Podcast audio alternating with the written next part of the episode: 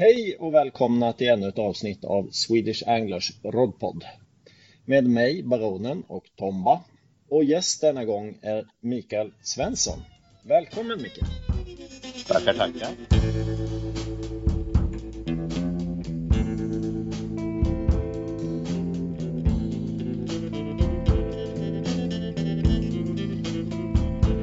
I've had enough of your bullshit to last me a lifetime. So get out of here. I don't wanna see you Vi kan väl börja lite din meterkarriär Micke. Hur kom det sig att du hamnade in på det spåret? Det började väl tidigt med min far som alltid har fiskat sen så länge jag kommer ihåg från, ja, jag vet inte vad jag var första åren jag kommer ihåg det, men 6-7 år någonstans där. Där startade väl alltihop tror jag. Fick följa, följa med ut. Far och kompisar hade en båt så man hängde på där redan som liten och sen eh, växte det här efterhand.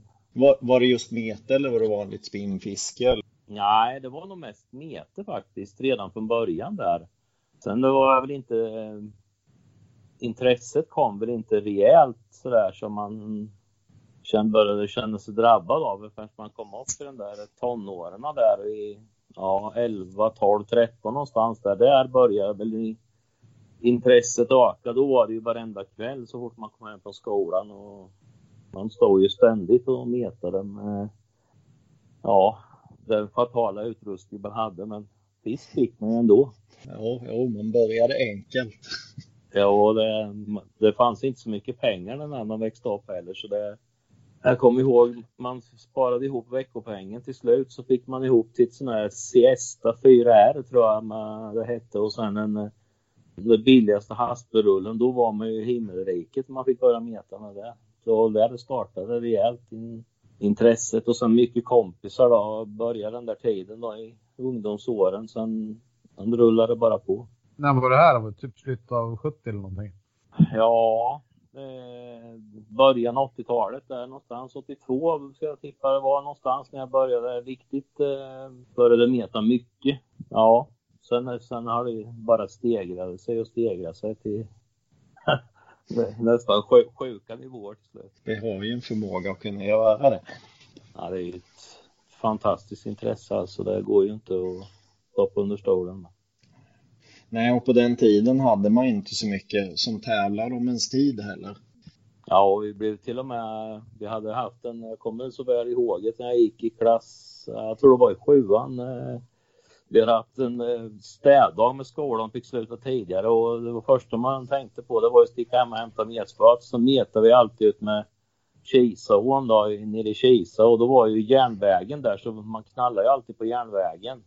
Och det här vart ju ett jävla på, pådrag då när SJ fick se det här så vi vart inkallade till rektorn och fick banner där för vi hade fiskat på järnvägen där. Det, mm. det var den första starten.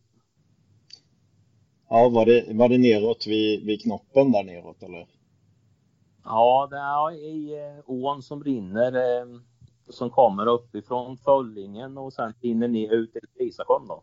Ja, jag tänkte på Knoppetorpan där nere. Men det var inte där nere, det var i andra änden.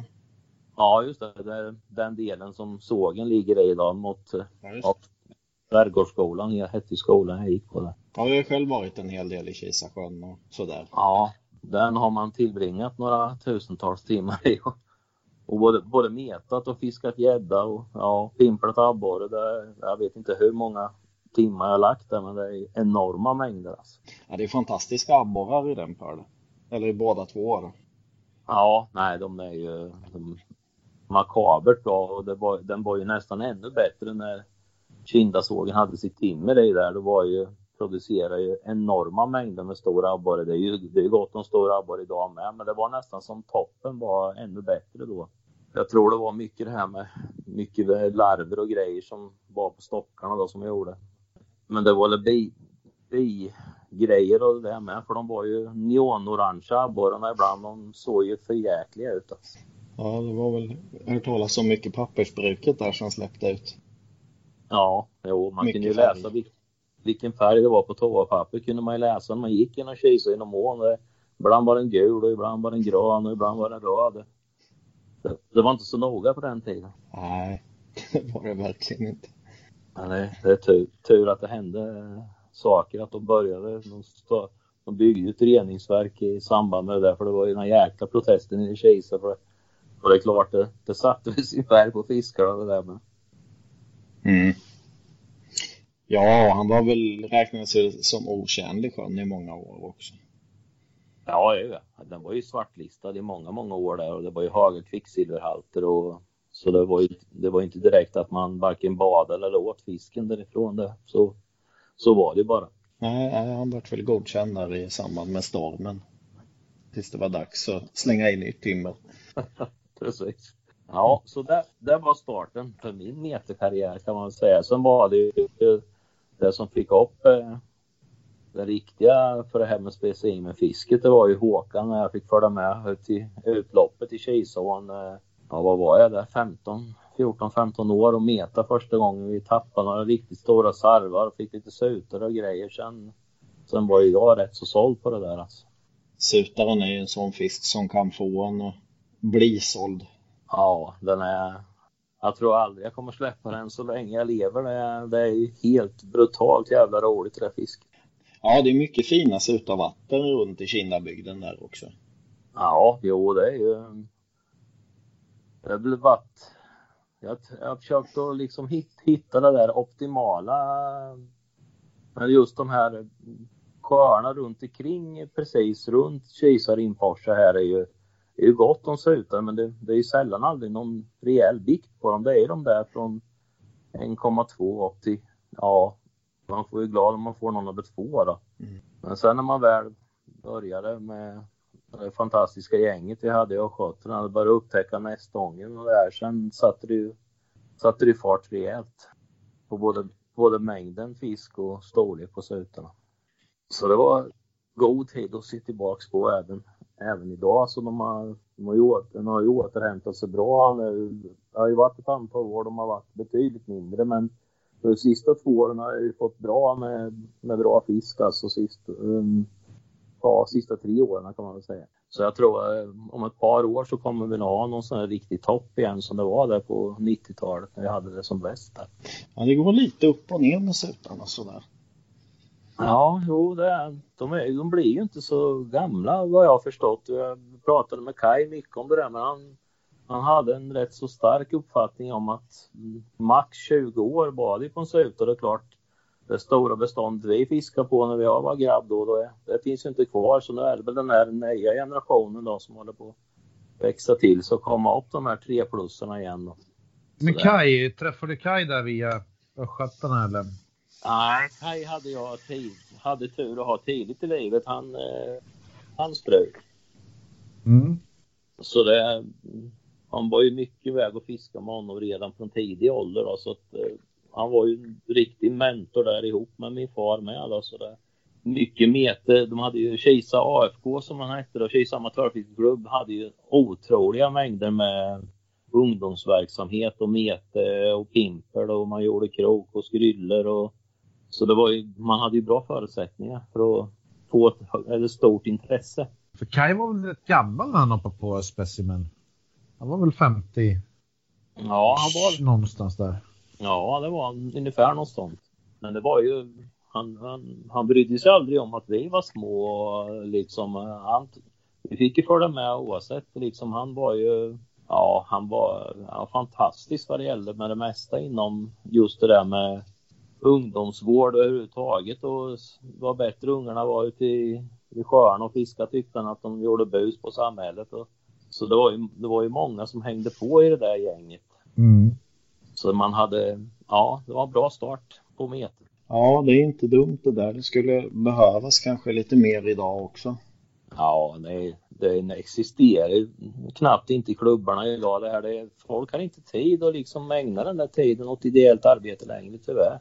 Nej. Det där såg man, ju, såg man ju fram emot hela veckan om man skulle få gå till fiskeklubben och träffa alla likasinnade och prata skit och tillverka grejer. Det var ju sen ut och testa grejerna. Det var, gjorde ju att ja, det var otroligt roligt att se tillbaks på. Det finns ju så mycket erfarenhet också att plocka och analysera och testa. Och...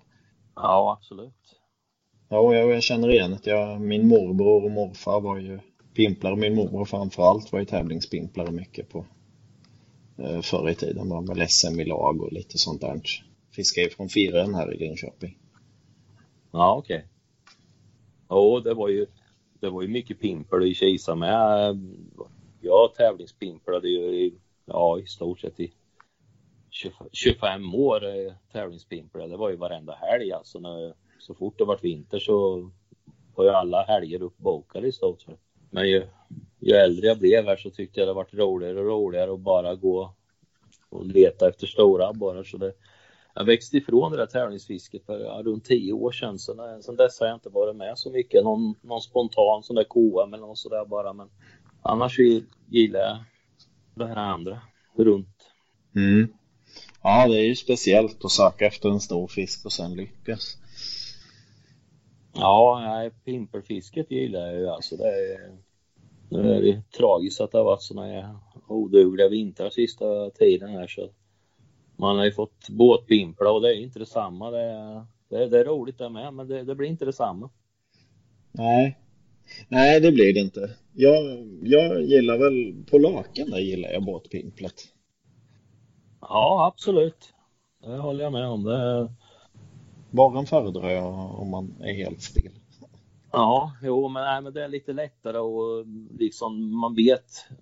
Här man, man har haft turen och haft en far som har fiskar på många av de här vattnen som vi får stora abborrar i så han kan ju nästan ta med fasen gå på metern utan att ha en GPS och vet vart kanter och allting är. Så man har ju lärt, lite lärt sig det där att här går jag en meter till här nu så är det två meter djupare och det stämmer rätt så bra. Man har riktmärken och så är det går efter.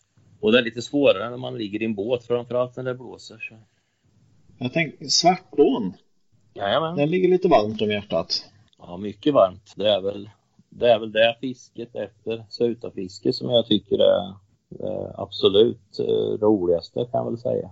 Färnafisket och abborremetet där uppe även ja, efter charven och mörten. Det är, jag blir alldeles varm när jag tänker på det ibland. På, framförallt när det kommer fram på, på våren där. Det är ju extasiskt roligt alltså. Ja, det är något särskilt. Det bara kryper i benen och man ser bara vatten liksom. Ja, den har någon... Eh, man nästan känner på sig vissa dagar när man är där att idag händer det och många gånger så stämmer det där. Man, man får feelingen redan man, ibland man sitter i bilen och framförallt man kommer fram till ån. Det, det bara luktar stort ibland. Och, men sen har man ju även sura dagar även där. Mm. Ja, en, jag upplever ofta fisket i Svartån just efter Färna att det är inte så många fiskar men när det väl klipper till så är det oftast en bättre liksom.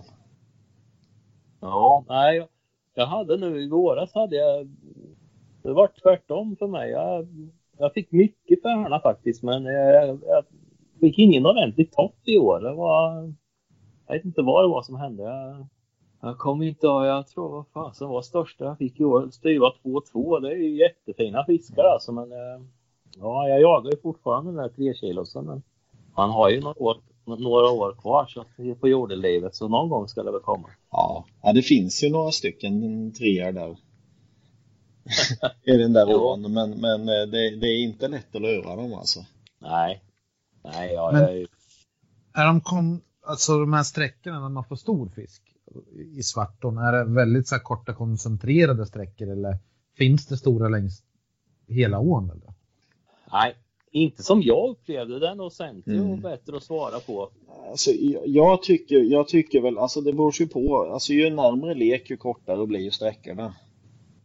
Ja, absolut. Eh, och, och, ska man rikta sig efter, efter så fisk, då är det ju ganska då är det ju vissa stenar så där man fiskar eller en viss kant eller så där som man, man vet att här går det stor fisk. Ja, jo, absolut. Så, så, och lungflytfisket är, det är nog lite mer som Färna i andra vatten, att det, det är lite mer, kan vara lite mer utspritt. Eh, Jaha, så. Men, men, eh, just när man kör storfisk just alltså inför leken och sådär, då är de ju då då är det ju vissa sorters alltså bakvatten och stora stenar och ja, med, med Ja, rätt ja. förutsättningar beroende på hur strömmen är just den våren. För det kan ju vara jävligt avgörande har jag ju märkt. Ja. Men så är det ju ja, i vilken å Ja. som helst. Alltså, om du tar Hedströmmen. Men, men Hedströmmen håller ju relativt jämn vikt på, på fiskarna längs hela ån. Det är ju inte så att en, en zon eller en är speciellt mycket bättre än en annan. Utan du kan nog få en rejäl fisk från ja, vart som helst i stort sett. Så jag, tänkte, jag har aldrig fiskat svartån så jag har ingen aning hur det, liksom, om det finns långa sträckor där man ofta inte får större fisk, alltså olika orter. Nej, det är väl generellt stort sett hela Svartån i alla fall från Mjölby och alltså Mjölby Boxholm och ner till ja, stort sett mynningen till Roxen så går det väl att få stor färna så vitt jag vet i alla fall. Så det, Ja, jo, det gör det. Men sen är det ju vissa sträckor har jag upplevt. Jag har ju fiskat det ju enorma mängder tid alltså och fiska, i alla fall från det vattnet som är från ja, gamla kända staketet och sen nedströms då ner mot ända ner mot Karstorp. Det är inte må- många millimeter jag inte har fiskat av egentligen genom åren. Så att eh, vissa sträckor verkar inte hålla någon färna alltså. Har jag, som jag upplevt, framförallt mittendelen i, ja, mellan nedströms eh, Amnada en bit ner där. Det verkar vara en sträcka som är väldigt låg. Jag har fått några enstaka men det verkar vara väldigt få individer på just den sträckan. Men det är lite annat mer. Det är mer lugntflytande, lite djupare på några sträckor där det. Vi snackade ju lite här in, eh, inför podden här och kom in på Svartån såklart. Men även Vimman i Svartån, är det någonting du har lyckats med eller hört talas om eller sett någon har fått eller? Ja, jag har sett en, en som Kaj fick, men det är ju... Här snackar vi alltså, det är ju 30 år sedan. Det är nog den enda jag har sett faktiskt. Och det var, den var inte speciellt stor heller. Den, det är stor och stor, men sju, runt 7 hektar ska jag tippa att den var. Mm. Annars så har jag hört väldigt lite eh, utsagor om det och eh, jag har faktiskt aldrig fått någon själv det. Trots alla jävla timmar jag lagt det. Nej, det verkar ju vara väldigt, väldigt små bestånd med just vimman. Alltså man har ju hört, förr var det ju, jag kommer inte ihåg vem det var som hade tagit st eh, stora nu, men det var väl i reggstorlek i alla fall. Eh, Ja. och sen så vet jag en polare till mig tog ju eh, Reutemer, han tog ju Vimma där eh, för, förra året tror jag ja. eh, i Svartån. Så de finns ju kvar men det verkar vara Ja, väldigt, väldigt lite. Jag och Viktor har pratat om att lägga någon sån här vintersatsning på Vimma flera år men det har liksom inte blivit av. Det har alltid varit något annat. Ja, nej, det, det är aldrig något som har kommit upp i tanken på mig faktiskt att, att testa det där. Men eh, visst, det, har man tiden och orken och lusten så självklart skulle man göra det. Nej, vi har ju snackat lite om Mälaråarna med, för det finns ju faren och Vimma. De borde ju stiga i de flesta åarna. Men eh, i Sagån är ju jättekänd för faren. Mm. Ja, ja. Den är ju så, den är ju så liten att ta i så att den är ju där är det kanske lite enklare att komma till tals med dem. Alltså det, Ja. det, det är ingen älv direkt, du hoppar ju över den nästan så att det, ja okej. enklare, enklare att hitta sådär. Men det är jävligt konstigt det där som Eskilstunaån. Det finns ju typ ingen idel i färden där. Alltså, visst fångas det väl någon, någon gång har man väl hört, men jag har aldrig sett eller hört trots alla timmar jag har lagt det. Alltså i mynningen till Mälaren. Och sen, sen har du Hedströmmen, Kolbäcksån och Arbogaån där det finns gott om färna Ja. i det vissa år. Så att det är jävligt skumt att, att vissa år att, så att uppgången kan vara relativt stor medan i andra år så går det inte upp någonting alls. Nej, jag vet inte. Jag, eftersom jag har så dålig erfarenhet av vimma i Svartån. Jag vet ju bara den där Kaj fick. Den fick han ju nedströms eh, Eh, dammen som är i, ja, ovanför staketet där på den sträckan. Den är ju rätt så djup. Eh, så liksom det var ju inget strategiskt ställe för att ta en vimma egentligen. Så... Och sen har jag hört att de har fått på de där lite strömsträckorna som ligger nere i Linkelösa och där då, men eh, men nej, jag har aldrig fått någon. Nej, det har jag hört med. Man tycker att man kanske borde lyckats fått någon vimma när man har suttit och kört färna lite tidigt på strömsträckan eller något sånt där. För det har hänt att man petar dit någon liten räkbit eller något sånt där om det är kallt i vattnet. Men, men eh, ja, ja. det har liksom aldrig... Men det vore, vore spännande att lyckas knäcka en sån här rackare där. Det vore... Ja, det vore ja. häftigt. Men annars är det ju, Färnan ligger mig varmt om hjärtat. Sarven är ju fin i Svartån med, när man väl hittar av dem. Ja, absolut. Sen har jag mm, sista ja, två, tre åren har jag fått allt sämre med sarv. Jag vet inte vad det är. Och det är, och det är på de ställena jag har fiskat i, ja, sen jag var i stort sett när jag började med Svartån och som jag alltid har fått stor sarv. Men eh, sista två, tre åren har varit jäkligt sparsmakat med stor sarv. Alltså. Jag tycker det, den har försvunnit lite på de här sträckorna jag har fiskat från staketet och neråt där och Ja, ner mot Hackeryd och Linkelösa där har några fläckar är med. Jag har testat i många, ja i 30 år nu och får, alltid fått men sista åren har det varit sämre. Ja, jag fick för någon, jag och dottern fick varsin, ja, kilos 1100 snodd på eh, i våras här men eh, inget större. Nej. Än det. Ja. För det, det, finns ju, nej men det, det stämmer nog. Jag tycker det har inte varit Nej, det är inte lika mycket Sao, det är det inte. Är det mer mört? Nej, det tycker jag inte heller det. det jag har några sådana fläckar jag aldrig kommer att avslöja för någon tror jag. Där jag har tagit många av mina stora mörtar. Eh, jag, jag får ett antal mörtar där varje år men eh, det är sällan man får några småmörtar. De är stora alltså.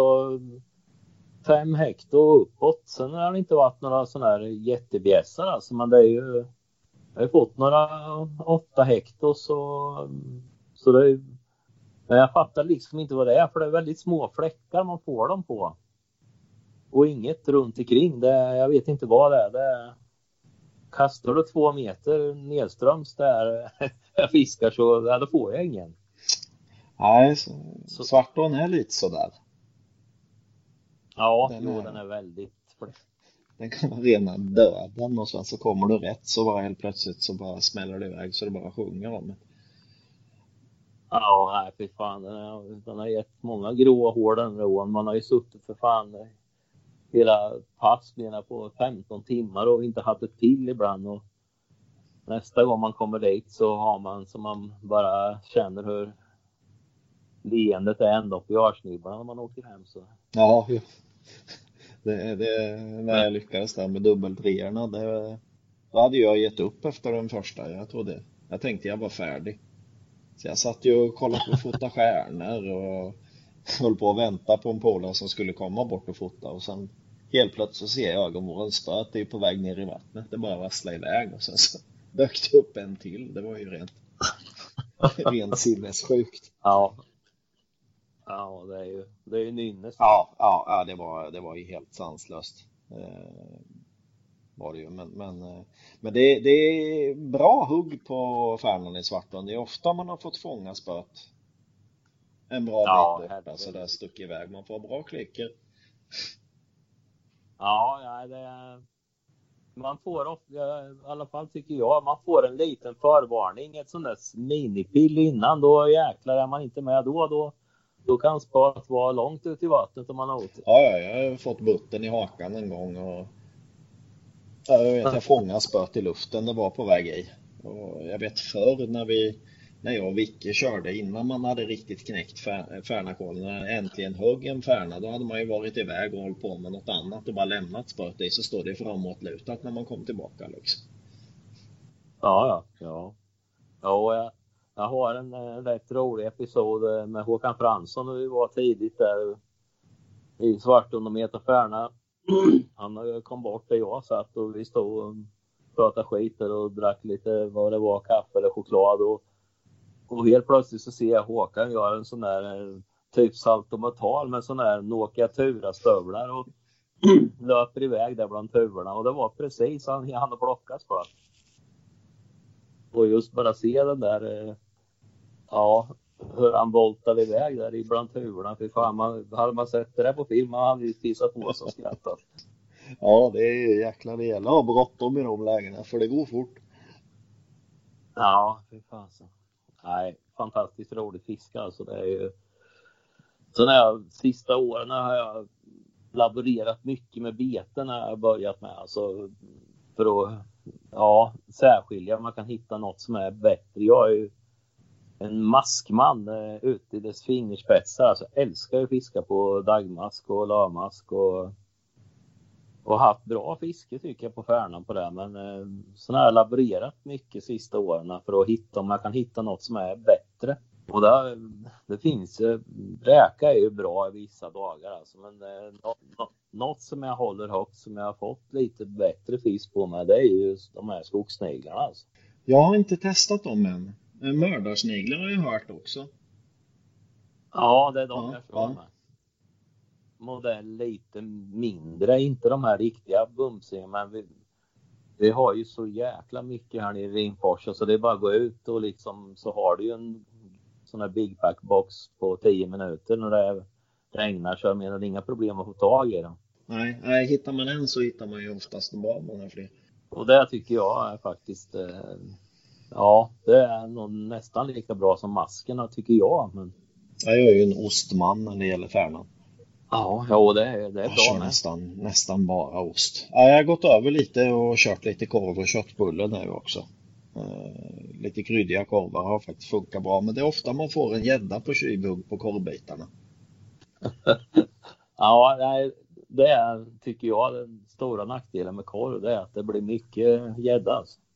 De, är, de gillar korv.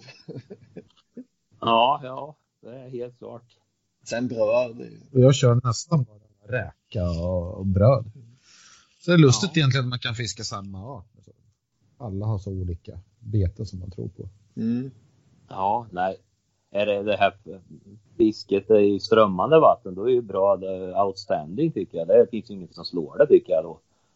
Men Men, bröd är ju bra. Nej, ja, speciellt om det behöver komma upp lite om det är det här långa jävla gräset som ligger precis överallt. För det, det känns som att färnorna har bekymmer att hitta betet då ibland.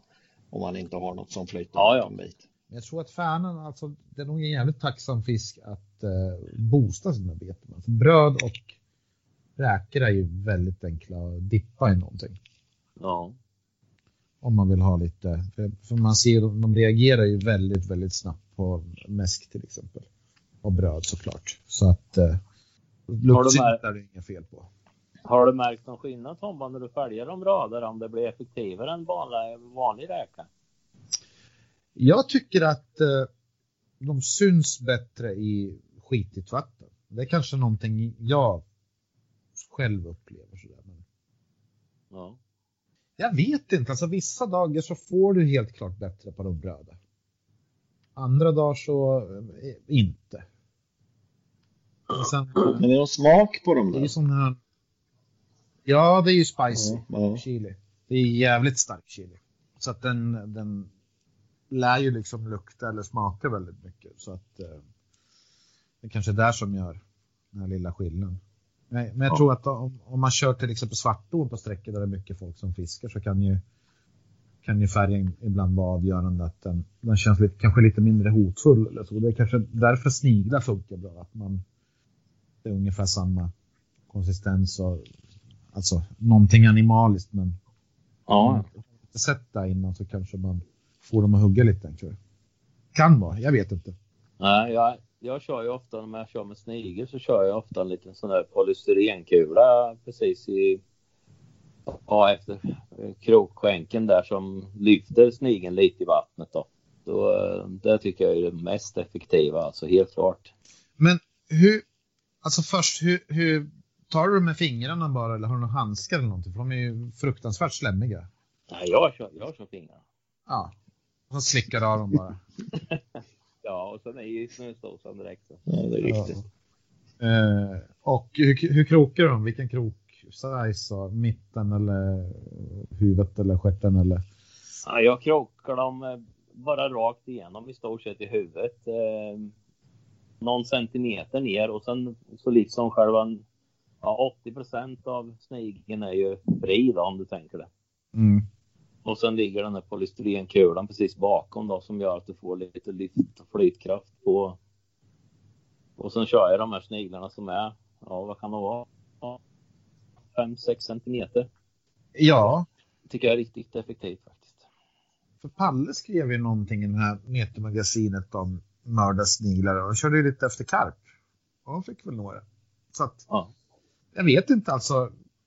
Luktar de någonting speciellt? Man går ju inte lukta på sniglar direkt sådär. Så, men det är klart, har man en big bag då känner man väl om det finns någon. Ja, det, det finns en doft men den är inte, den är inte stark alltså. Nej. Alltså vet man inte hur Är det inte lite åt reagerar? maskhållet så lite? Jo, lite, lite Ja. däråt. Det luktar nästan lite som man kör ner näsan i en sån här man har varit ute och plockat mycket dagmask. Lite åt det hållet. Det är väl det här slemmiga antagligen. Mm, mm. Men det är samma mask alltså. Det är som ni säger, den luktar inte mycket men den lär ju lukta Alltså på ett sätt som vi inte känner eftersom fiskarna känner ju maskdoften direkt alltså. Den är ju grymt effektiv. Ja. ja. Det är som till fisket kör jag ja, nästan alltid ett spö med mask. Eh, gärna två många gånger men min far har blandat eh, vanlig dyngmask eh, med typ vanlig sån här standardlövmask och fått en art som har blivit, jag vet inte, de är superlivliga, väldigt hårda lite större än vad en vanlig lövmask är. Så de är ju ja, lite mindre än en, en dagmask då, men de är jävligt effektiva att fiska och, och de luktar mycket starkare med som den här dyngmasken gör. Det här gula som sipprar ut, det är ju, luktar ju jättestarkt alltså. Ja, jag, jag är väldigt svag för dagmasken annars. Riktigt feta jävla snudd på ormar liksom. Ja, ja, ja det är ja, ja. Jag håller fullständigt Just på sutan tycker jag det är magiskt bra. Speciellt i svåra vatten, alltså där sutan har mycket föda och sånt. Då tycker jag, då brukar ibland masken vara det enda sättet att lura dem på. Jag vet i Sätrasjön är ju en sån här svårfiskad sjö som jag har kört en hel del i. Eh, Ja, jo, jag har kört, lagt ett antal timmar Ja, lyckades ju peta upp en på tre och ett halvt där för några år sedan här. Eh, Ja. Men det var ju också på dagmask. Eh, Ja. Vi testade med majs och allt möjligt och vi testade att ha lite ja, voltspön och lite sånt där. Men det var sällan det gav något och sällan om det gav något så var det ju någon mindre i sådana fall.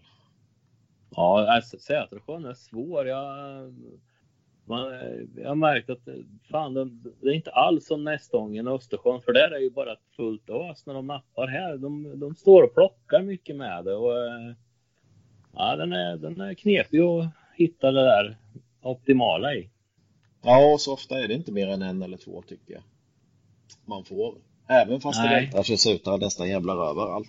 Nej, jag, jag har haft något pass, jag har fått fyra, fem alltså, men eh, då har det varit lyckträff tror jag. Oftast är det en bom eller någon eller max två. Det är, det är bara att slita Ja, på. ja, ja. Det, det finns ju riktiga bästar där i den där. Eller det har ju tagits i alla fall. Ja, för fasen. Det är väl två dokumenterade över fyra där. Duktigt långa var de ju med. Ja, för fasen. Ja. Polaren fick ju en när vi satt där på, eh, på tre, vad fasen vägde den? 3575. Den var ju se, nästan 63. Du förstår den i rätt kondition då. Den är, menar för i helvete, kan, kan ju bara spekulera i vad en sån fisk väger. Jag kommer inte ihåg vad, sex, vad fyra kilo som han var. Var det inte någon som var uppåt 67 eller 65 eller något sånt där? Jo, jo jag, tror- jag tror det var något sånt mellan 65 och 67 där. Ja, det... Och du vet, de längderna är inte så många vatten som håller på sutare. Nej, det är det inte. Jag tror min, min han var nog bara, ja, vad kan han ha varit? Höga 50 någonstans. Ja, fy fasen. Mm. Var det- Ja, den var, den var riktigt fet. Var den. Eh, Ja. Och grov. Ja, nej, det, jag har fått fina fiskar där ute med, men de, eh, de som jag har fått med brutalt bra kondition, de har tyvärr inte haft den där längden. Nej. Jag har haft, eh, jag har fått ett antal över tre där i alltså, men det är, jag har inte lyckats toppa den där med lång och Nej, tjock än. nej. Nej, ja, ja, det, var, det var just den jag har fått som har haft rätt liksom. Annars har det bara varit antingen mindre runt, ja, två och ett halvt, två sex någonstans. De har varit lite korta och tjocka liksom. Men sen, Ja, nej det, det är spännande. Mycket framtid kvar att fiska oh, där. oh, oh, Men Sutan känns ju som, som en art som är lite öppen just nu. Det finns väl inga vatten som dominerar och den, man borde ju kunna få alltså bra stora sutare från ett gäng vatten runt om i landet. Så det blir Ja. lite spännande att se vart nästa supervatten kommer sen då. Det, kom, det kommer säkert alltså framöver, det tror jag. Det- är bara när man kommit upp till den här åldern man är i idag. Att man, fan man, jag har inte energi det där att åka och leta. Jag, jag har några vatten hemikring jag har satsat rätt hårt sista åren. Nej, men lägga liksom kanske en ny satsning och försöka hitta något ytterligare vatten. Det blir liksom att man, i alla fall jag försöker koncentrera mig på dem då. Framförallt när man har fått fisk som är fina då. Liksom att här, fan här ska jag kunna ta en, den här potentiella 4 kilo sen någon gång. Ja, För jag tror inte jag, jag har varit många gånger, var inne då när det var som hetast där nere i Antorp och åka ner där och få en, den, få en äntligen en 4 kilo. Men samtidigt så kändes nej fan jag vill knäcka den här hemma någonstans i de vattnen jag håller på i. jag är nog väldigt likadan. Ja det känns, känns eh, ja det är likadant med braxen är ju också en favorit när de blir stora. Det, det känns som jag skulle vilja ha ett, vi har ju fått rätt stora i, i zoomen alltså men aldrig lyckats träffa på dem där. Man har ju ryktesvägar där att de får på 5 och 6 och 7 kilo där varje år i gubbarna i nät och grejer. Så det finns ju alltså men just det där och jag har ju fått några under årmeter då, som har varit runt fyra där då men aldrig de där supertopparna. Nej, där finns det lite vatten att ploga sig igenom också. Ja, ja, det är outtömligt. Men hittar man en lekvik så kanske. kanske. Ja, ja, det är väl det. Jag tror att ska man ta en sån här stor fisk i, som i sommen, det gäller att hitta någon sån här perfekt vik där man kan fiska på dem i, ja, runt leken där. Annars så tror jag det är svårt alltså. Ja, för när man kollar på Youtube och lite sånt där så hittar man ju en massa skumma filmer med från alla möjliga olika länder. Så jag såg någon jävel som fick en på, jag kommer inte ihåg vad den var, men det var väl typ 4-5 kilo. Den var bra stor i alla fall. Och han drog den väl mitt, mitt på sjön på en sån båtpimpel eller någonting sånt där. Så att, de stora braxarna, de kan, ju, de kan ju verkligen vara vart som helst, alltså mitt ute i sjön eller Ja, de är ju många. Jag vet, läs, läste en artikel i många år sedan det här med att de i, från Danmark, de, de menar ju på de här stora, de vart ju mer pelagiska och gick och åt småfisk när de var stora. Och det kanske är även så i sommen, det vet man inte. För det känns ju som att braxarna går ju lite mer på djupet än ja, till exempel sutan eller rudan eller Ja, björknan går ju också djupt. De, de har väl lite sådär. Alltså de verkar ha lite samma tänk de där två arterna. Så. ja, jo det är De är ju nära besläktade så det, det kanske kör samma stil. Ja, nej, vi har ju kanske någon som hittar någon sjö och får någon. Jag tror att det det nog, man får nog tänka så annorlunda så att det är nog inte många som ger sig på sådana där toksatsningar längre. Nej, jag, jag hade ett antal år jag testade massor av sådana där stollevatten som man har hört talas om. Men nej, man, fan, man ville lägga tiden på där man visste att man hade ett någorlunda fiske där man kände att man var nöjd själv i alla fall. Jo, och sen är det ju så här att vill man ha en stor så då åker man väl till Rögle eller Hosmo. Och, Ja, jo så är det. och, alltså satsa där de, där de finns. Så att Ja lägga oändligt med tid på att få kanske i bästa fall en, en regga eller någonting så något nytt vatten. Jag, jag, tror inte att den det ger ju inga poäng i någon tävling eller, eller någonting sånt där heller så då, då blir det ju att det, det finns inget intresse helt enkelt. Nej, det är ju kul. Det är ju kul att testa nya vatten, men sen är det ju det att det är svårt, svårt att utvärdera ett vatten om man inte gör, lägger ett antal eh, timmar i det. Man måste ju, i alla fall tycker jag, det, det krävs ju ett antal timmar för man, innan man ska döma ut eller döma in ett vatten. Ja, det, kräv, det kräver ju rätt mycket tid. Mm. Och även innan man hittar liksom rätt. Ja, jo, det känns så det. Det kräver ju närhet i de här vattnen också. Det, det, det är ju där som är det ständiga problemet att folk, eh, alltså visst det kan väl åka och göra ett eller två pass ett nytt vatten längre bort, men, men orka satsa, hitta den här magiska dagen och nöta vecka in, vecka ut och sen har du 100 kilometer till vattnet. Alltså det, det funkar inte. Nej, jag kommer ihåg när vi började fiska karp nere i stråken där nere. Fasen, vi låg, åkte dit och förmäska vet du.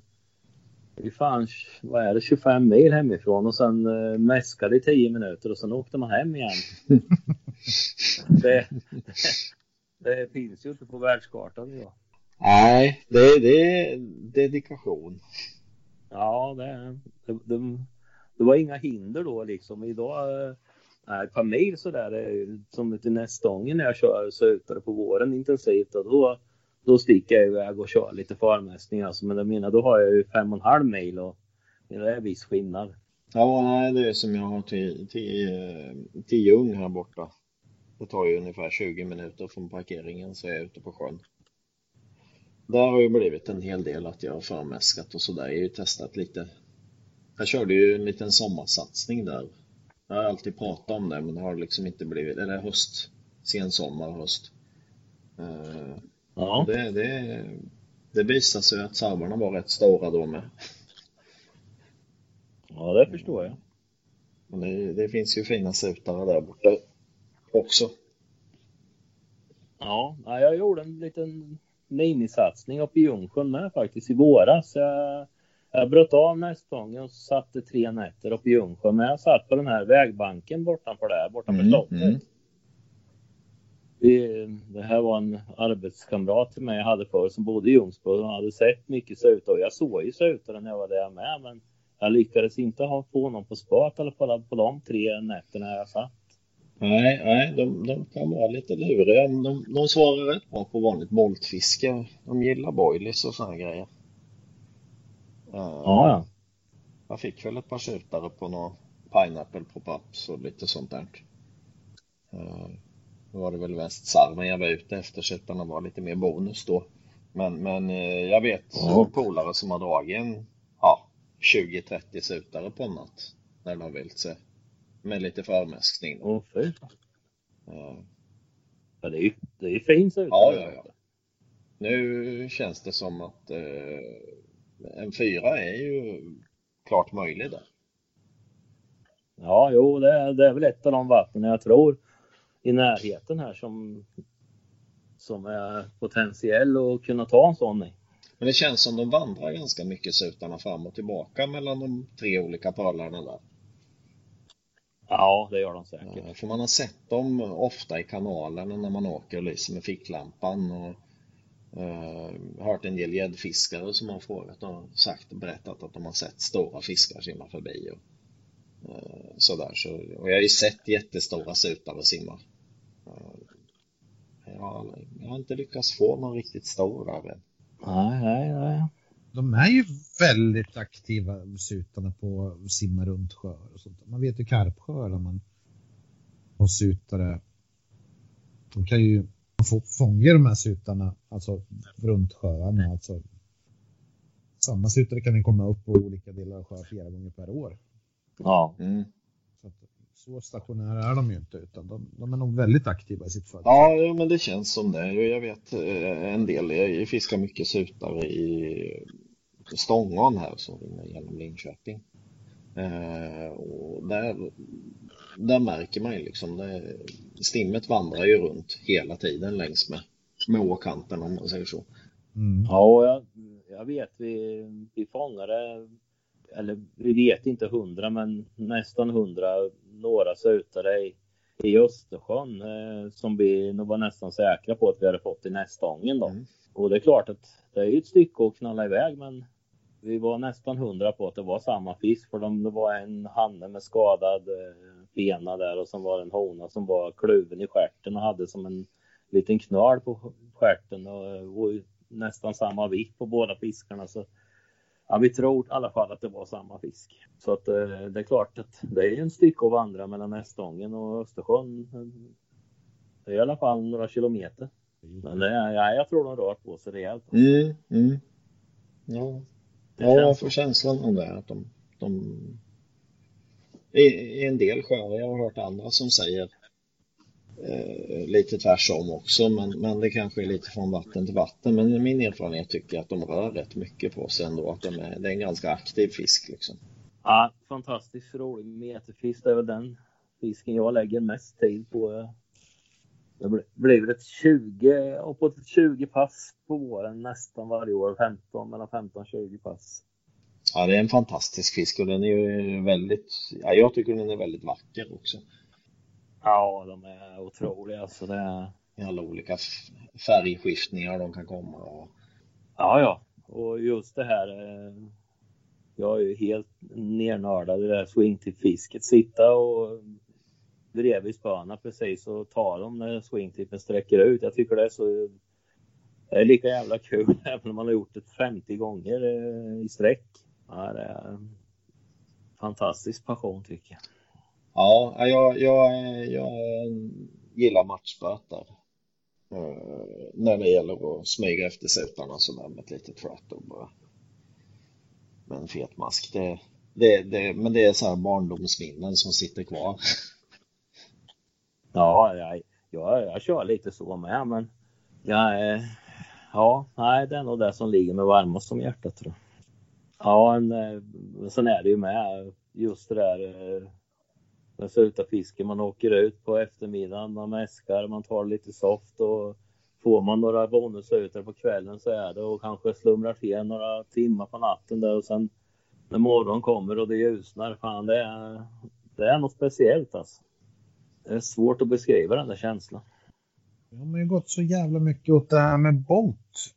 Alltså modern sutafiske, det är inte jättemånga som Alltså swingtip speciellt är det nog inte jättemånga som letar med. Och så, jag tror att Bolt är väl den dominerande metoden. Ja, det tror jag med. Lite bara... tråkigt nog måste jag säga. Alltså det är väl ingen jätteinspirerande metod för alltså det. Det är fortfarande man blir nog aldrig så gammal att man inte tycker att det är spännande när det bubblar runt flötet. Nej, det är ju det är ju något speciellt att se när de är på väg in. Jag vet nu sista två åren här har jag ju haft något helt sanslöst fiske. De här första fisken jag haft ute nästa gång när man har förmästat lite. Sen tar jag alltid en vecka ledigt här i, i slutet på maj och det har ju varit, fy fan, det är, det är så mycket sutar inne så det är, det går liksom bara fiska med ett spö många timmar för det, det blir kaos att ha fler spö i. Mm. Och då, då, är, då är pumpen slår hårt då alltså. Ja, ja, det är ju riktigt, riktigt. Jag vet när man har suttit eh, uppe i Rassabika där uppe och kört ruda och sen kommer sutarna in. Då ja. är det ju halligalej fullkomligt. Det, det, ja, det är ingen knappt att hoppa ner grejerna så sitter det en sutare på. Och där är det så jävla nära till vassen så man måste ju mordhålla fisken med och det är inte så jävla rätt alla gånger. Men det är vansinnigt, man sitter och flinar hela tiden. ja, just, just det där med swingtippen, det, många gånger när jag slängt ut och sen ska man tajta tillbaks swingtippen och, och det går inte att tajta tillbaks. Då, då, då har de tagit på droppet så då sitter den direkt liksom. Mm. Det, ja. Den är ja, swingtip är något som jag nästan inte har fiskat något så det, det är något jag faktiskt tänkt. Jag måste jag ta och börja lite med och testa. Ja, jag pratar så mycket skit om swingtip så Palle gav mig ett swingtipsspö. ja, Ja, det är må många som totalt idiotförklarar mig i kompissällskapet och säger vad fan, det där det försvann ju på 80-talet. Men jag, jag, jag, jag, tycker det är det mest äggande alltså.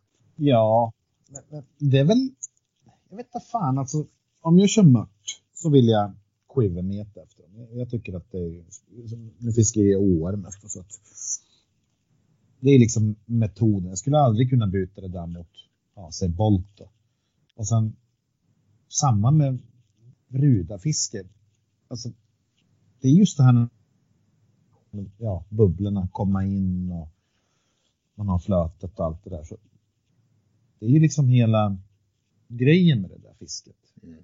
Ja. Bara fånga den på en volt, att man ligger och sover eller någonting. Visst, en fin fisk och så, men det, det kan aldrig kompensera den här. Nej, Nej det, det, det, är ju häftigt när man får ett run, men, men eh, det är ju mer ett kompensationsfiske för man behöver göra något annat. Alltså typ sova eller käka eller ja, eller att det är rent för bedrövligt väder. Ja, någonting som gör att det hindrar att man inte kan fiska så aktivt känner väl jag. Ja, nej, för vi har ju haft lite debatt nu på chatten det här med ekolod och grejer. Att vad fan, man åker ut och kollar med ekolod och var fiskarna finns och så där Och sen Ja, visst, alltså jag, jag, tycker väl inte att det känns speciellt jättehett det där heller, men de som håller på med det där, de måste ju tänka samma sak med oss. Vad fan, vi, vi håller ju inte ens i spöna, vi kastar ut dem och sen ligger vi och rökar i tältet. Och så, larmen går så. så att, eh, ja, jag vet inte. Det är väl... Nej. Jag kan förstå att folk har synpunkter på det där med, att det känns väl lite sådär. Nej, men jag är, jag är lite likadan med det. Spinnfiskar inte jag så väldigt mycket och trollar överhuvudtaget, men eh, jag jag har ju aldrig köpt mig ett ekolod. Jag, jag går på det jag lärt mig om vattnet och jag fiskar på kanter. Jag vet var det finns. Jag liksom jag tycker nästan det är mer spännande att släppa ner utan ek och se på ekolod vad som kan finnas där under. Nej, men det är väl en dimension som vi, alltså från vår generation och generationen innan då. Att det är liksom en så stor del av, av vårt fiske det här och sök tänka och ja, jo, alltså ja. har den här biten att man ska själv på något vis veta någonting som ingen annan vet och, och tänka som en fisk eller vad fan som helst. Alltså, jag vill inte ha facit. Nej, jag känner lite ibland att eh... Ja, jag, jag, vet inte. Jag är nog kanske lite gammal och motsträvig ibland. Men jag, jag, jag, fiskar heller på det sättet. För jag, jag känner upplevelsen för min egen del blir, känns mer stimulerande på något sätt. Ja, men det är därför man fiskar. Man ska ju få den totala upplevelsen.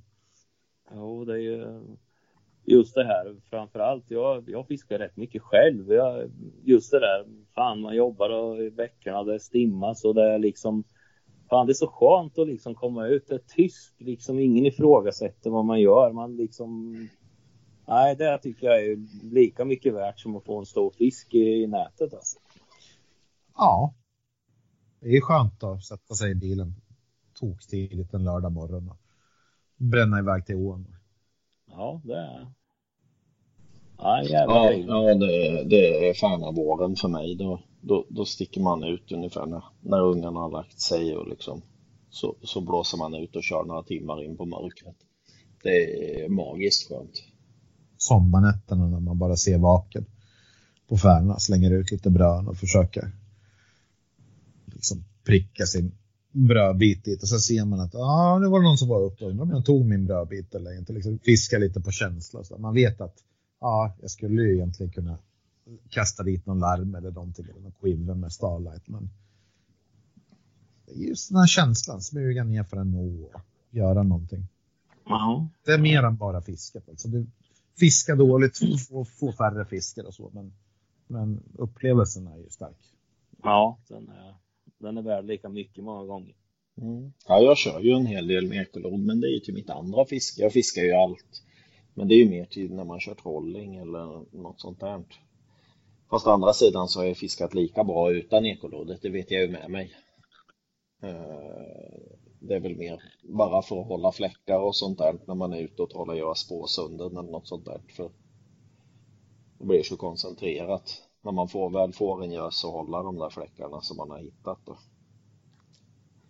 Ja, ja, ja, ja, jag har absolut mm. inget emot det. Jag har inget, jag ser inte ner på människor som använder det. Det är bara att ja, man är väl som man är. Mm. Man liksom... alltså, jag vet ju med mig att jag fiskade ju innan jag hade ekolod så fick jag ju lika många regler. Ändå utan ekolodet också. Så.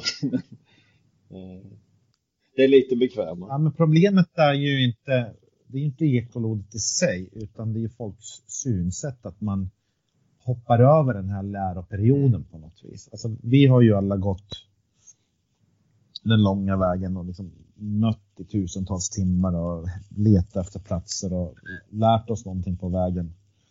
Och sen kommer det kids idag som, alltså mot bättre vetande kanske, tror att det där fiske går ut på att ja, men det är ju bara att köpa en båt och ett ekolod och sen åka iväg och kasta lite. Sen finns det ju folk som har fiskat hela livet. Jag menar som, ja, men som Håkan då.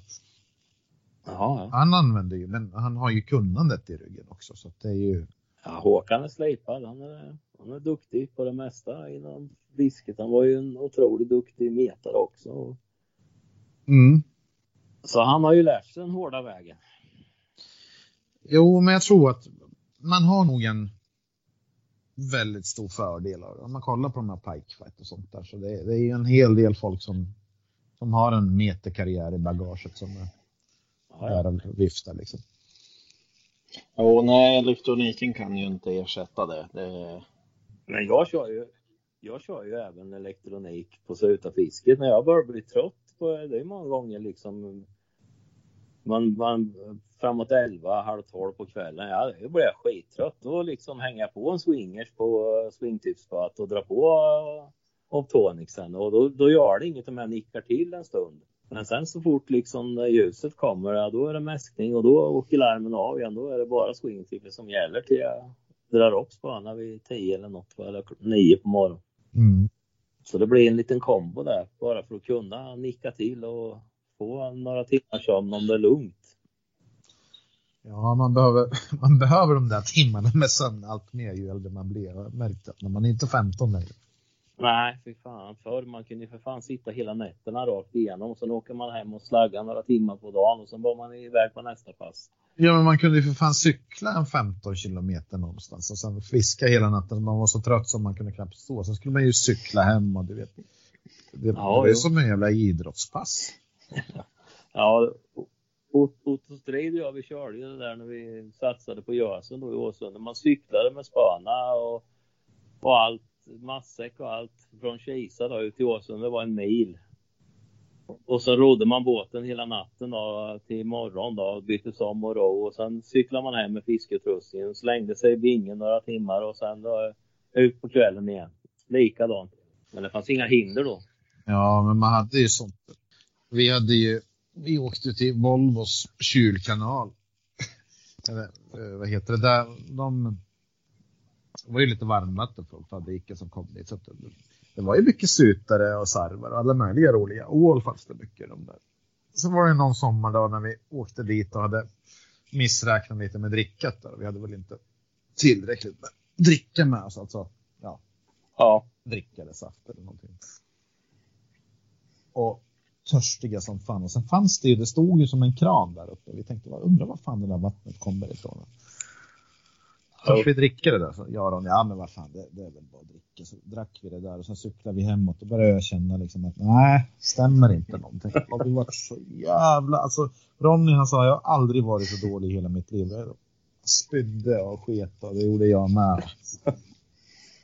Så det kom väl direkt från ån, så vi drack väl det där kylvattnet från Ja, det fa- fabriken. Men det är liksom, alltså sådana grejer, man skulle aldrig ens föreställa sig att det skulle kunna hända idag. Då skulle man ju ta bilen och bara åka till macken eller vad fan som helst. Men nej, Nej, det...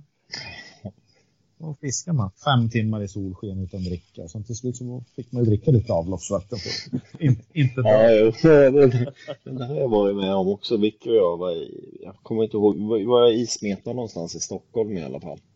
Och ingen av oss hade ju vatten med oss såklart. Det var ju fiskegrejer till förbannelse, men matsäck eller vatten, det hade vi ju inte med oss.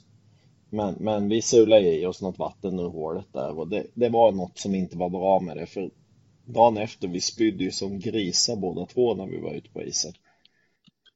Låg däckade. He, nästan hela dagen, men vi fiskade ju under tiden. Så, men, men låg kräktes om vartannat. Magen var ju upprörd. Vi låg och sov i två timmar. Missade någon gös gjorde vi med för det frös fast i hålet. Men nog fan var vi ute och fiskade i alla fall. Ja, det var inte mycket som kunde hindra en ibland. Nej, det var inte så. Sen var det ju här med väderprognoser. Nu har man ju mobil och glo på. Man vet ju nästan på minuten när det börjar regna.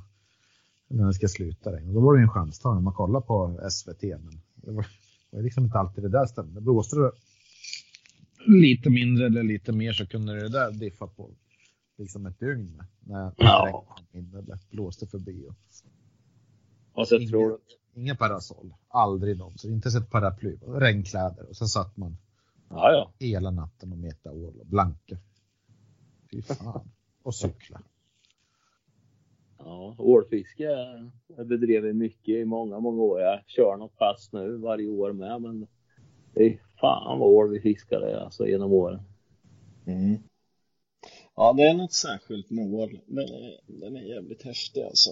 Här med natten och så. Vi körde, jag körde en krona på haspelrullen och sen så varenda spö man hade typ. Och Ja, ja. där. träklyckor och sen så hade man ju snott lite tallrikar och eh, plåtbunkar och grejer och sånt där. Och så. Ja, för fan. Vi var på Verasgroten och hämtade sådana navkapslar som mycket vi fick in i bilen. Det klingade fint på natten och spännande var det med när man smög fram till spöet och så om det rann ut någon lina. Det är ju verkligen som ålfiskarna. Det är ju, det är ju så här riktiga expeditioner. Alltså det, det är någonting med ål. Det blir alltid en expedition av det hela. Det är, det är sällan man bara så här helt avslappnat tar ett ställe. Utan det, det ska alltid vara svårt och det ska alltid hända någonting helt sjukt. Ja, jag, ska, jag ska dra en historia som är nästan osann där som hände i våra ungdomsår. Vi var och, och satt på ett ställe där vi egentligen inte fick fiska. Eh, och vi hade krupit ner eh, och gömt oss bakom ett gäng buskar där mitt inne i en mindre stad i Sverige. Och eh, under tiden vi satt där och tryckte och var lite oroliga att det skulle komma någon och upptäcka oss så kommer det ett gäng suspekta killar och där vi hade parkerat bilen lite högre upp. Där, vi såg ju bilen från där vi satt och då såg vi ju de här grabbarna glida upp till bilen. Så knackade de rutan, så snodde de stereon i bilen under tiden vi satt och tittade på. Och vi hade ju inget val, liksom, det var ju bara accepterat. Ja, skär skiten då, för att vi kunde ju inte liksom sticka iväg och säga anmäla dem när vi själv satt och gjorde något brottsligt.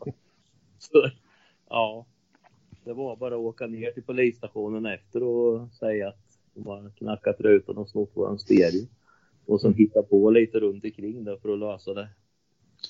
Ja, Nej, men det, det, det gjorde vi med.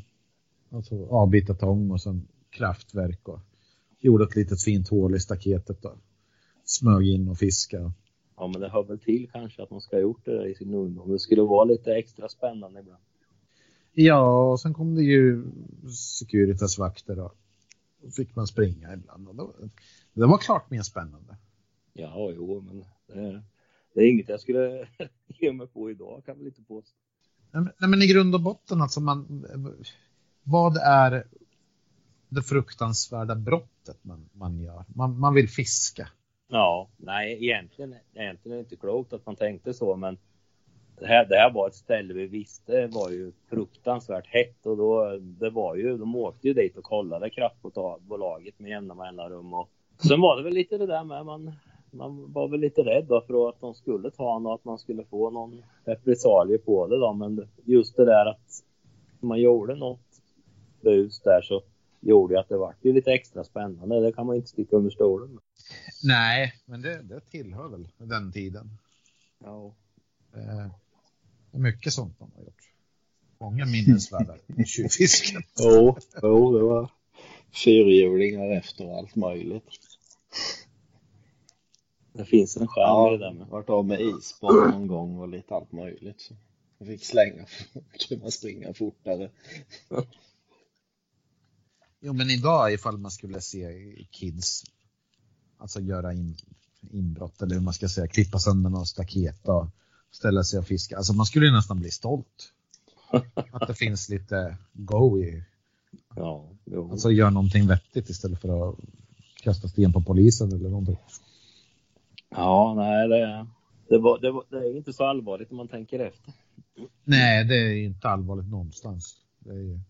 Men Att man, att man egentligen skulle bli straffad för att man eh, hade en stor passion och ville fånga en stor ål. Man kände liksom ibland att ja, det är inte klokt egentligen då att man skulle behöva göra som det. Vad fan, skulle man inte kunna få sitta där bara för att man gjorde ingen skada eller någonting heller. Så, Nej, tvärtom. Då fanns det ju någon där som höll koll på att ingen annan kom dit och klottrade eller vad fan som helst.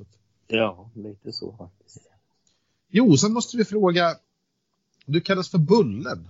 Fransson Jajamän. Anna skriver alltid Bullen. Varför kallades du för Bullen? Det fick jag i eh, klass, när jag gick i klass 1. Jag hade varit eh, hos en klasskamrat, Thomas Karlsson. Och, ja, hela klassen var där och lite med aktiviteter och hans mamma hade bakat bullar och när vi skulle gå därifrån så var det några bullar kvar på bordet där och hon frågade om någon ville ha en till och jag var ju, jag tyckte om bullar så jag sa att ja men jag tar gärna en till. Och då var det en klasskamrat där och sa, men det är ju du som är Bullen. Så den, sen satt det namnet. Så det,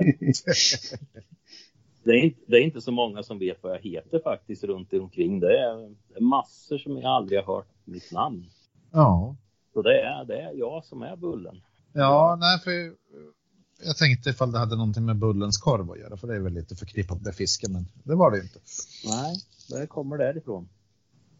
Ja. Sen har, sen har det levt med hela livet och jag har aldrig liksom, jag har aldrig tagit illa upp eller något utan jag har varit lite lätt rundlagd hela mitt liv och det, lite av det kommer väl kanske med med att jag ville ha en bulle extra då. Jag tackade inte nej. Nej, bullar är ju gott. Vad Ja. heter det? Finns det någonting, eh, har du några målsättningar sådär? Alltså om du blickar framåt, är det någonting du skulle vilja uppleva inom metet i Sverige? Ja, det är några små grejer. Det är, vi har hållit på och bearbetat lite med att komma ner och fiska lite mal i Sverige, nere i Emån. Eller lite biflöde där nere och det är väl, vi får se om vi får till det till nästa år då. Så det är en av målsättningarna. För det, när vi var nere i, Spanien där och fiskade, jag varit rätt drabbad där fisket. Jag tyckte det var något för jävla kul alltså, att vända på mal. Det var, det var något som förhöjde fiskelivet tyckte jag. Ja, Kai var väl där nere i Emon och körde lite. Ja, jo, han var rätt många gånger där nere. Då fick han den på 16 och någonting va? Ja, 16 kilo. Sen har jag en kamrat från gamla fisketiden här som har haft turen att få åka ner där och varit med och med de som äger på några sträckor där. Man får inte säga att man fiskar mal, det får man absolut inte göra. Man får ju säga att man fiskar mört eller gädda eller något. Men... Och fått några riktigt fina då. Ja, 20 plus då. Mm. Ja, malen blir nog bara större i Sverige. Ja, det tror jag. Klimatförändringar och sånt där. Jag vet ju båven här. Mm. Men det är, i båven är det tillåtet va?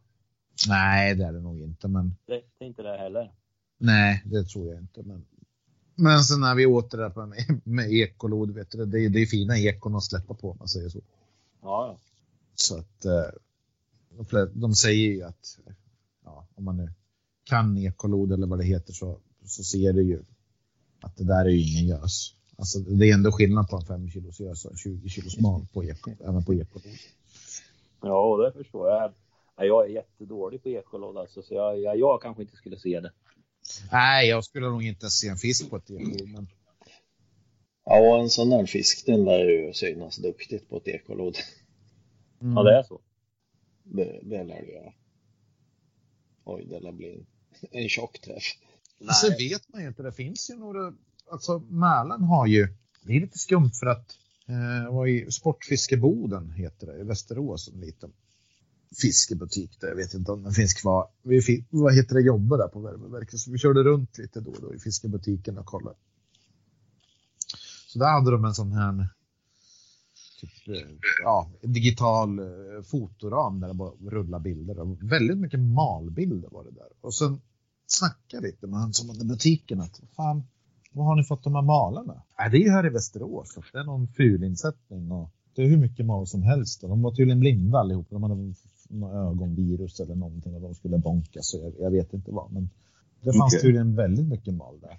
Ja, jag på, vår, på våran sida, så den här yrkesfisken som, som ligger där, så han brukar ju få de här två riktigt stora malen. Han har väl namn på dem, jag vet inte vad de hette, Gösta, Emil eller någonting sånt där. De ligger väl i ja, 30 plus eller någonting sånt där. Så att, ja, finns jag, ju, tror, jag tror det finns i fler vatten än vad man tror faktiskt.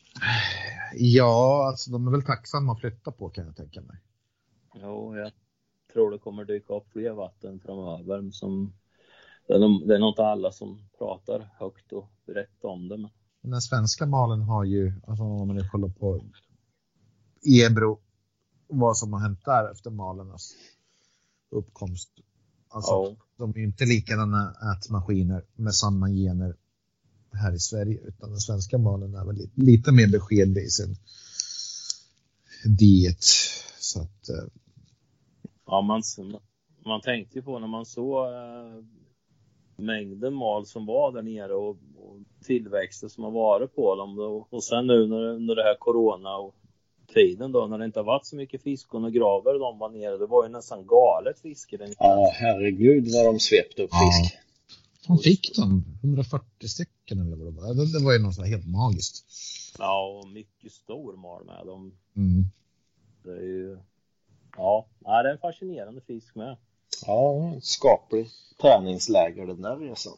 Ja, för fasen. Man är rätt trött om man har bränt upp några sådana där på, inom loppet av någon timme. Det känns i både armar och Mm. knoppen. Men en sån här 20 kilos mal i Sverige, undrar hur gammal en sån där är? Alltså vad är tillväxten på sådana i, i Jag har inte en aning alltså. Nej. Malen blir, Malen blir väl ganska så gammal. Ja, det är så jag har förstått. För, för John, jag läste i hans bok, han hade väl gjort någon, om det var någon högskoleexamen eller vad det var examensarbete kring malen. Jag minns inte detaljerna, men det, det, där skrev han ju mycket om det där i alla fall, då, lite size och sånt där. Så att det finns ju stora. Jag vet inte hur, hur stora som har kommit upp i modern tid, alltså som är väl dokumenterade. Men Nej, jag, har- jag har ju hört nerifrån. eh, Jag har ju kommit upp på den sträckan. Kompisen de var nere där. Det, det togs ju någon för ett par år sedan som var 50 plus. Så att det är klart att det finns ju grå mal i Sverige med. Så är det ju. Ja, jo, jag hörde talas om några typ 20-30 plussare där för ett gäng år sedan. Nere i Emån. Jo, men det är nog en rätt relativt Mm. vanlig Mm. size ändå, 20 kilo. Alltså i, i flera vatten i Sverige.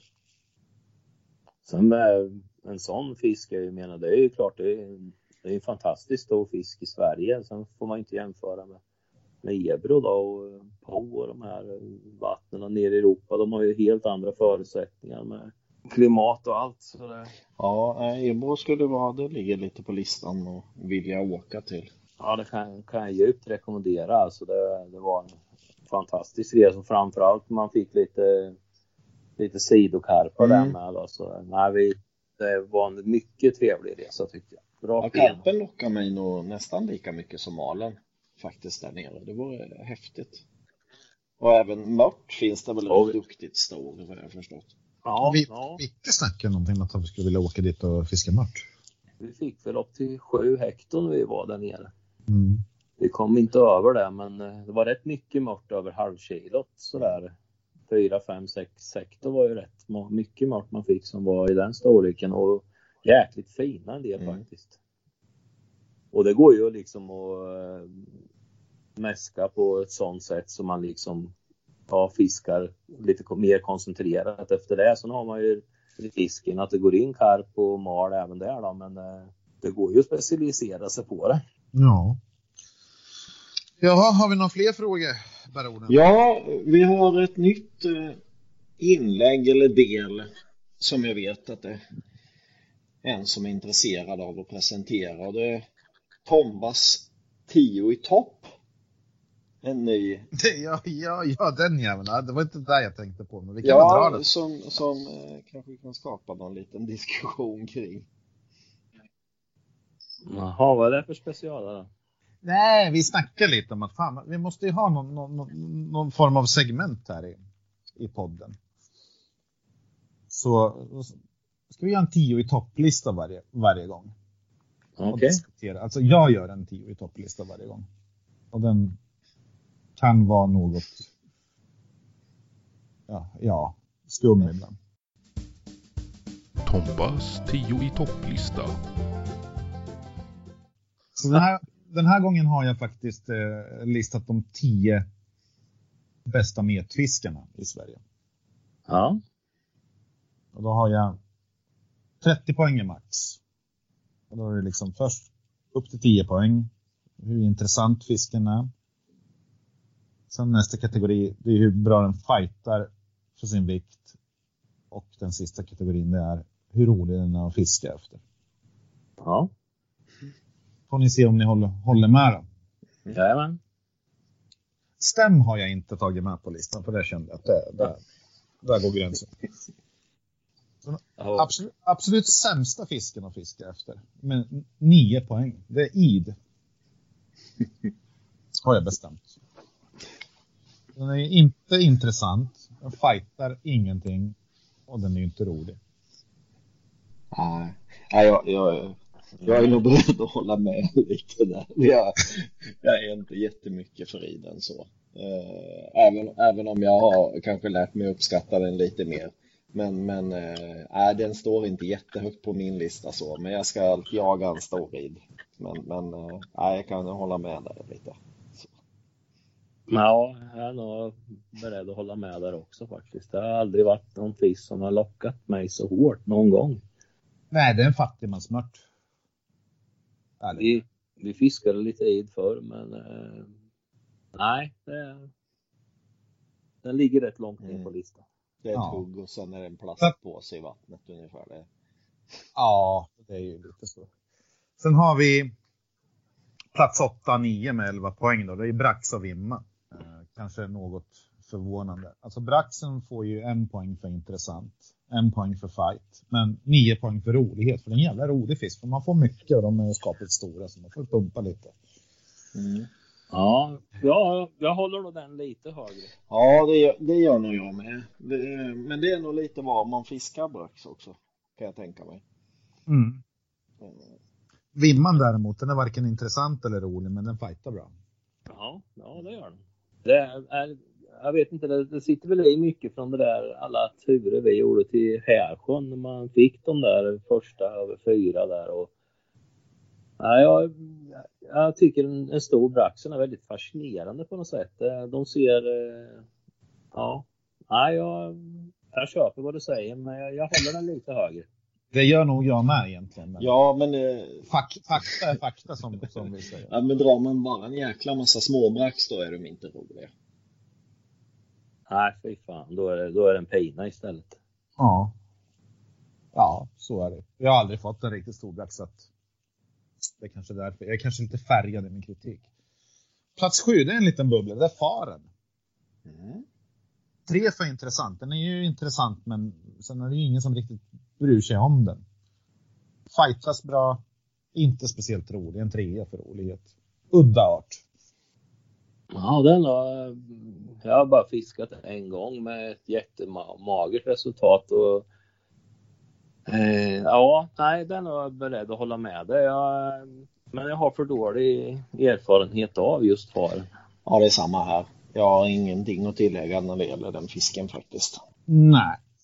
Plats sex. Den här kanske man hade trott att den skulle komma lite högre upp. Det är Rudan. 16 poäng. Mm. Intressant 10. Alltså det finns väl ingen fisk som är mer intressant än Rudan. Men eh, fight 2 och rolighet 4. Alltså det, det är ju ingen rolig fisk att fiska efter egentligen. Det är ett helvete att stå och fiska Rudan rent ut sagt. Ja, jag är nog beredd att hålla med det där. Som intressant en 10 men eh, och fight skulle jag nog kunna tänka mig att sänka ner till netta till de här. Ja, jag var också där. Det, det svängde men det finns en på hundra kan jag göra en liten rusning. Eller? Ja. Ja, nej men det...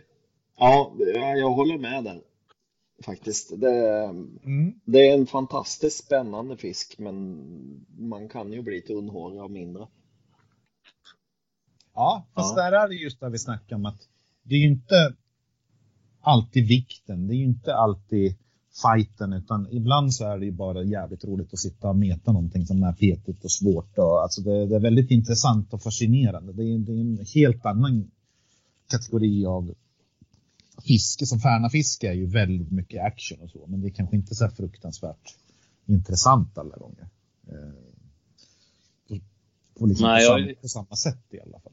Jag har hittat en, eh, en sjö här uppe precis inte alls långt ifrån där jag bor där, där jag har fått riktigt fin ruda. Alltså jag, jag har toppat en fisk på 18,90 här Mm. uppe. Och, Riktigt eh, men fruktansvärt svårfiskad. Men ändå så är jag fascinerad av det. Jag, jag kan inte släppa det ändå. Det blir alltid ett antal pass, både lite försommar och mitt i sommaren för att den är, ja, när den kommer in så eh, stiger eh, pulsen på något sätt. Den, är, den finns med i, som en jäkligt, ja, häftig fisk. Men det är ju så att om, om någon nämner till dig att ja, i den här sjön det finns bland annat sutare och brax i den. Så, alltså pulsen ökar ju inte. Men om någon säger att ja, men lilla pölen, det finns lite ruda där. Så då är man ju bara tvungen att åka dit och testa. Så det finns ju någonting. Du vill ju alltid få en ruda. Jag vet inte vad det är. Så känner inte jag för sutare eller idre. Nej. Nej, det är, det, är, det är lite mystik över den samtidigt. Mm. Plats fem då, 19 poäng. Sarven. Mm. Intressant 5. Alltså det är ju ingen jätteintressant fisk. Fighten 6. Fightas hyfsat. Men rolighet 8. Den är en väldigt rolig art att fiska tycker jag. Alltså den är väldigt visuell. Eh, roliga metoder. Flötmeter. Kan få den på ytan. Bottenmeter. Ja, jag är nog benägen att hålla med där. Jag, tycker inte det är någon superfighter, men det, när de kliver upp lite storlek, då kommer ju lite fight. Ja, Och sen framför allt en, eh, en, en fisk som är oskadad. Det är ju, jag vet inte fan om det finns någon vackrare fisk i våra sjöar alltså när den är sådär rätt proportioner på de här som de är i Kisarsjön med de här jättestarka röda fenorna. Det är ju en otroligt fin fisk. Ja, och så knallguldfärgade. Ja, de är fantastiskt vackra. Ja, det är en, en favorit framförallt att titta Ja. på bara. Ja, jag håller den nog lite högre generellt i poäng sådär och det är en av mina favoritfiskar, salven sådär. Men eh, det, det är väl något som är speciellt med sarven för mig. Eh, ja men ni bor ju lite i sarvbältet sådär så att eh, det, det finns ju väldigt Ni många. har ju, stor- alltså de här sarvarna som ni har, det finns ju inte någon annanstans i Sverige. Så att det är ju, ni har nog fått en liten överdos av vad som är vettigt, alltså med sarvvikter Ja, och sånt där. En en kilo sarv är ju annars en rätt så stor fisk, vart som helst, förutom kanske era trakter. Mm. Ja. Plats fyra, det är ju sutan. Intressant. Ja. Sexa. Fight 10. Rolighet 5. Det är inte världens roligaste fisk. eh. Alltså den är väldigt statisk om man säger så. Eh, Du kan meta den men det, den erbjuder liksom inte olika miljöer och metoder, tackle som några andra arter gör. Mm. vi, är nog Ja, inte jag- riktigt överens där tror jag. Nej, jag håller den nog lite högre. Mm. Det går ju att meta sig ut. Eh, Man kan inte komma så mycket högre. Nej, nej, men jag... Ja, nej, jag... Ja, Den är nog en topp tre Ja. för mig. ja, för mig med. Den är nog Mm. topp tre. För nu kommer vi till topp tre. Och trean ville jag ha lite högre, men det är Björkman. Intressant? Ja, en fyra. Inte jätteintressant. Fighten för sin vikt, en nia, den fightas jävligt bra. Och roligheten åtta, den är en fruktansvärt rolig fisk att fiska efter. Jag, jag har gjort en kovändning med Björklund. Jag älskar Björklund. Ja, det var inte länge sedan du, du ansåg det var mer förnedrande än glädje att fiska björkna. Ja, jag Ja. håller med. Man måste, man måste Mm. liksom få en andra chans. Ja, nej, jag håller inte björknan särskilt högt. Det gör jag inte. Nej, inte jag heller. Jag, det är en, eh, jättekul att få, men det, vi har för dåliga björknavatten Mm. här med, så man, man har för dålig relation Mm. till det. Nej, men när man hittar lite vatten där man börjar få liksom schysst björkna hela tiden. Ja, men då- 4, 5, 6 hektar. Då är det fan roligt alltså. Ja, det, det tror jag säkert. Ja, nej, här, här alltså där, de vattnen jag fiskar hemma vid och sådär, det, det är ju björknar, det är ju så små handflator knappt. Alltså det är ju bara en, de är ju Ja, Ja, då är det ju inget liksom. roligt. Men så är det med Ja, all ja, ja. liten fisk. Det är en, fi- en fisk man stör sig på ofta Mm. här hemma. Det är mask. Ja, Plats två, det är Färnan med 22 poäng. Björkman fick 21 poäng, så den har eh, snäppet högre. Är den. Och den vinner väl på att den är lite intressant. Eh, alltså roliga, spännande miljöer och kan gå grunt, kan gå djupt utan botten, mellan vatten. Fightas halvhyfsat, en sexa la jag och roligheten åtta. Garanterat en, en rolig fisk att fiska efter. Mm. ja fär, Färnan är ju högt upp för Mm. mig med. Så det, så är det. Jag skulle nog vilja lägga fighten högre än en sexa, men det är ju, det är ju jag. Jo, men om du jämför, alltså om du tar en 3 kilos björkna så fightas den garanterat mer än en 3 kilos färna. Ja, men nu finns det ju inte tre kilos björk. Nej, men det finns eh, 4 hektars färna. Ja, jo. men det är något som händer med färnan när den kommer upp i över, över två och ett halvt eller alltså höga, höga två och ett halvt där uppåt. Det, det, det blir som en annan fisk där. Det är en stark fisk, men det är ju, inte- den är inte riktigt där sutare. In, inte i den kategorin. Ja, Ja, jag, jag har haft några färnor i Svartån som har varit där runt 2,7, 2,8 där som har fightats något för jävligt alltså. Framförallt när det har varit lite, lite ström med. Det har varit, jag, jag har nästan tolkat att jag har felkrokat fisk några gånger men jävlar vad de har fightat Ja, alltså. både jag och några till har ju haft på sutar. Det har inte gått att stoppa dem. Det, de har ju... Nej, Sutare? sa- äh, Färne. Ja, färna. Eh, det har ju liksom inte gått att stoppa dem. Utan det, det, de, de har ju gått iväg och sen så gått i något träd eller någon sten eller något sånt där. De har inte haft en suck liksom. Mm. Ja, ja. Och även färnor som har hoppat och haft sig och sånt där. Så, eh, Ja. ja, jag tycker den är... Jag håller nog fighten högre än en sexa på den. En med, strax över Ja, medelfisken. jag kan höja den. Jag kan höja den till en sjua. För då slår den fortfarande inte min nummer ett och är mörten 24 poäng. Ja. Intressant, alltså en stor mört. Otroligt intressanta fiskar. Finns överallt. I mängder. De stora är svåra att få. Fightas jävligt bra för sin storlek. Och är extremt roliga att fiska efter när du kommer i kontakt med lite större fisk. Ja, 24 det-. Mörten håller jag med jätte, jättehögt alltså. Det är framförallt när de kommer upp i lite storlek. Det är en, en av mina favoritfiskar när den blir lite större. Ja, stor, stormört, jag håller med. En, stor, en stormört är något speciellt. Ja, det är... Ja, den är stor på riktigt. Jag säger att som färnan, den, den, den liksom, den, någonstans så förväntar man sig att en stä- färna är ju stor, så- eller en nid är stor, en brax är en rätt stor fisk. Men en mört, den förväntar man sig att det är ju en rätt liten fisk. Alltså när man ser en stor, en riktigt jävla stor, då är den så jävla stor så att man kan knappt förstå att det, att det kan finnas så stora mörter. Ja, det, det, det är ju ungefär som att få en 8 kilos färna helt plötsligt. Alltså om man ser till snittet sådär. ja nej, stormört det har jag lätt att bli drabbad av när man får eh, hitta de här fläckarna och man börjar få stormört. Då får, känner jag med, då får man den där lite spesmenfrossan i kroppen och framförallt när man ska dra in dem och precis ska landa dem då och man, man får titta på den i hoven där. Det är jävla feeling alltså.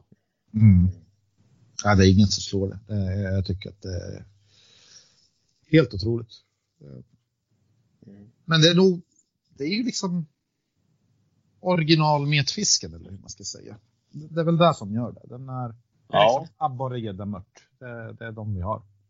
Ja, Så det var tio i topplistan då. Men någorlunda höll. Ja, ja. Ja, du, du hade ju rätt bra argument för en del där. Så att, sen helt felaktigt på andra, men, men eh, det är ju som det brukar vara när vi diskuterar saker. Så. Ja, men vi är rörande överens om att Färna, Mört och Sutare är bra fiskar och Id och ja det kan vi nog Id vara är överens. ingen, Id är ingen vinnare. Nej. Nej. Och så är det. Ja. Ja, om du inte har nå- någonting mer att tillägga här så.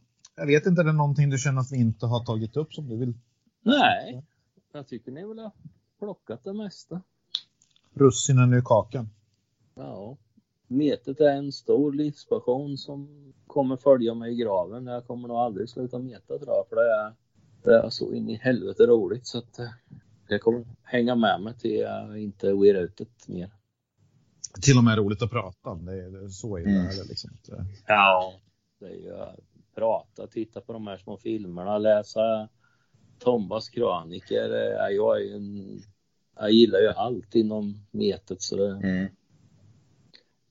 ja, det är en stor passion i livet. Ja, det, det, det är fantastiskt roligt och det finns så fruktansvärt många olika sätt man kan bedriva det på.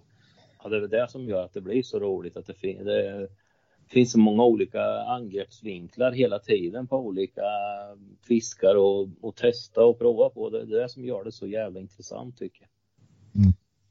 Och sen att Så många man- olika arter. Ja, Ja, ja, det, och, och för många, många andra i fiskevärlden så är det ju väldigt Ja, det är väldigt eh, obetydelsefulla fiskar som vi fiskar på men för oss är de oerhört värdefulla när man liksom lyckas sikta in sig på en art, just en stor av den arten eller en stora i det vattnet eller något sånt där. Det är ju så fantastiskt givande. Det är ständigt så aktuellt. Det finns ju egentligen aldrig en dödtid för meta. Alltså det, kan ju, det är ju alltid någon art som har säsong. ja, ja. Jag har ju ofta en eh, säsong så här nu på sluthösten som jag liksom inte är så aktiv på fisket men senare åren här nu det har blivit mer och mer när man liksom där det inte har blivit någon is och sådär då, då åker jag ofta till Svartån istället och ja, kör lite det här höst-vinterfisket efter färna och eh, man får ju även andra bifångster med och ja, jag uppskattar det mer och mer faktiskt, meta under vin- vinterhalvåret. Ja, jag har varit dålig på det. Eh, Men jag ska, jag har sagt åt mig själv att jag ska bli bättre på det.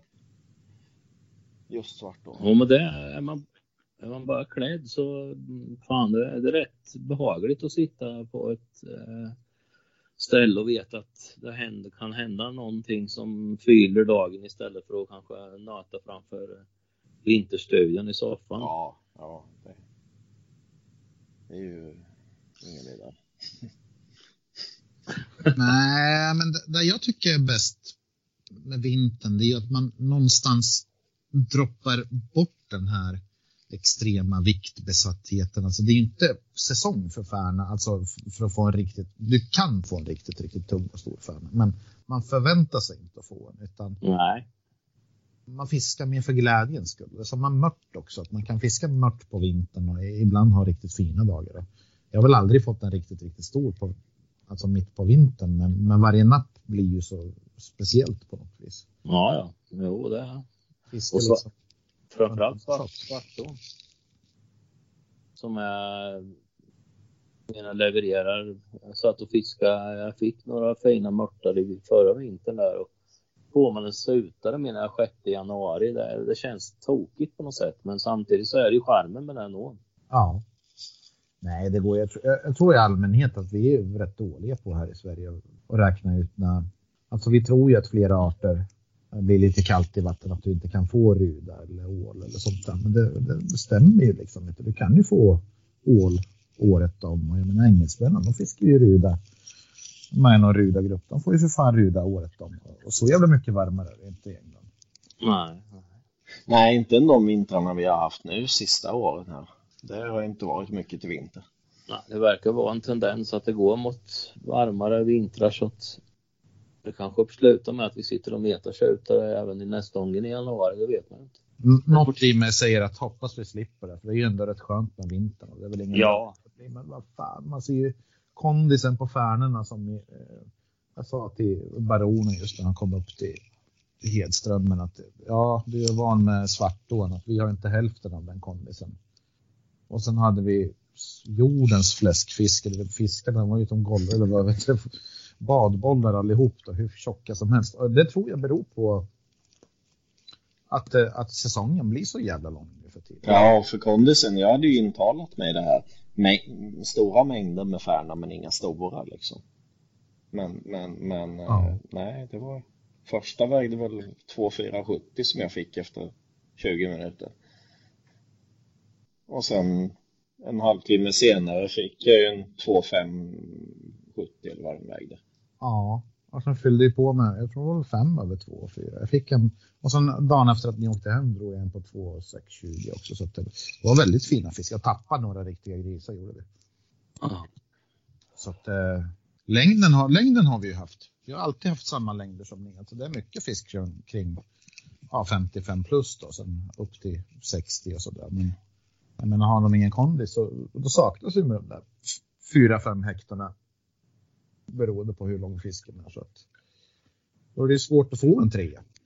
ja, det är inte. Nej, men det, de, de verkar gynnsamt för stjärnorna det här milda. Mm. Ja, det tror jag. Ja, nej men vi får väl tacka Micke Ja. helt enkelt för ett trevligt Tack avsnitt. själva. Tack. Får vi se vem som vi har i nästa podd. Ja, Ja. Ha en fortsatt skitfiskig höst detsamma. detsamma.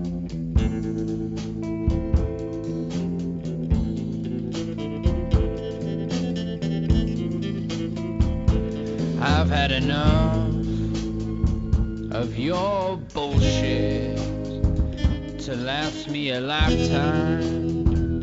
So get out of here. I don't wanna see you around.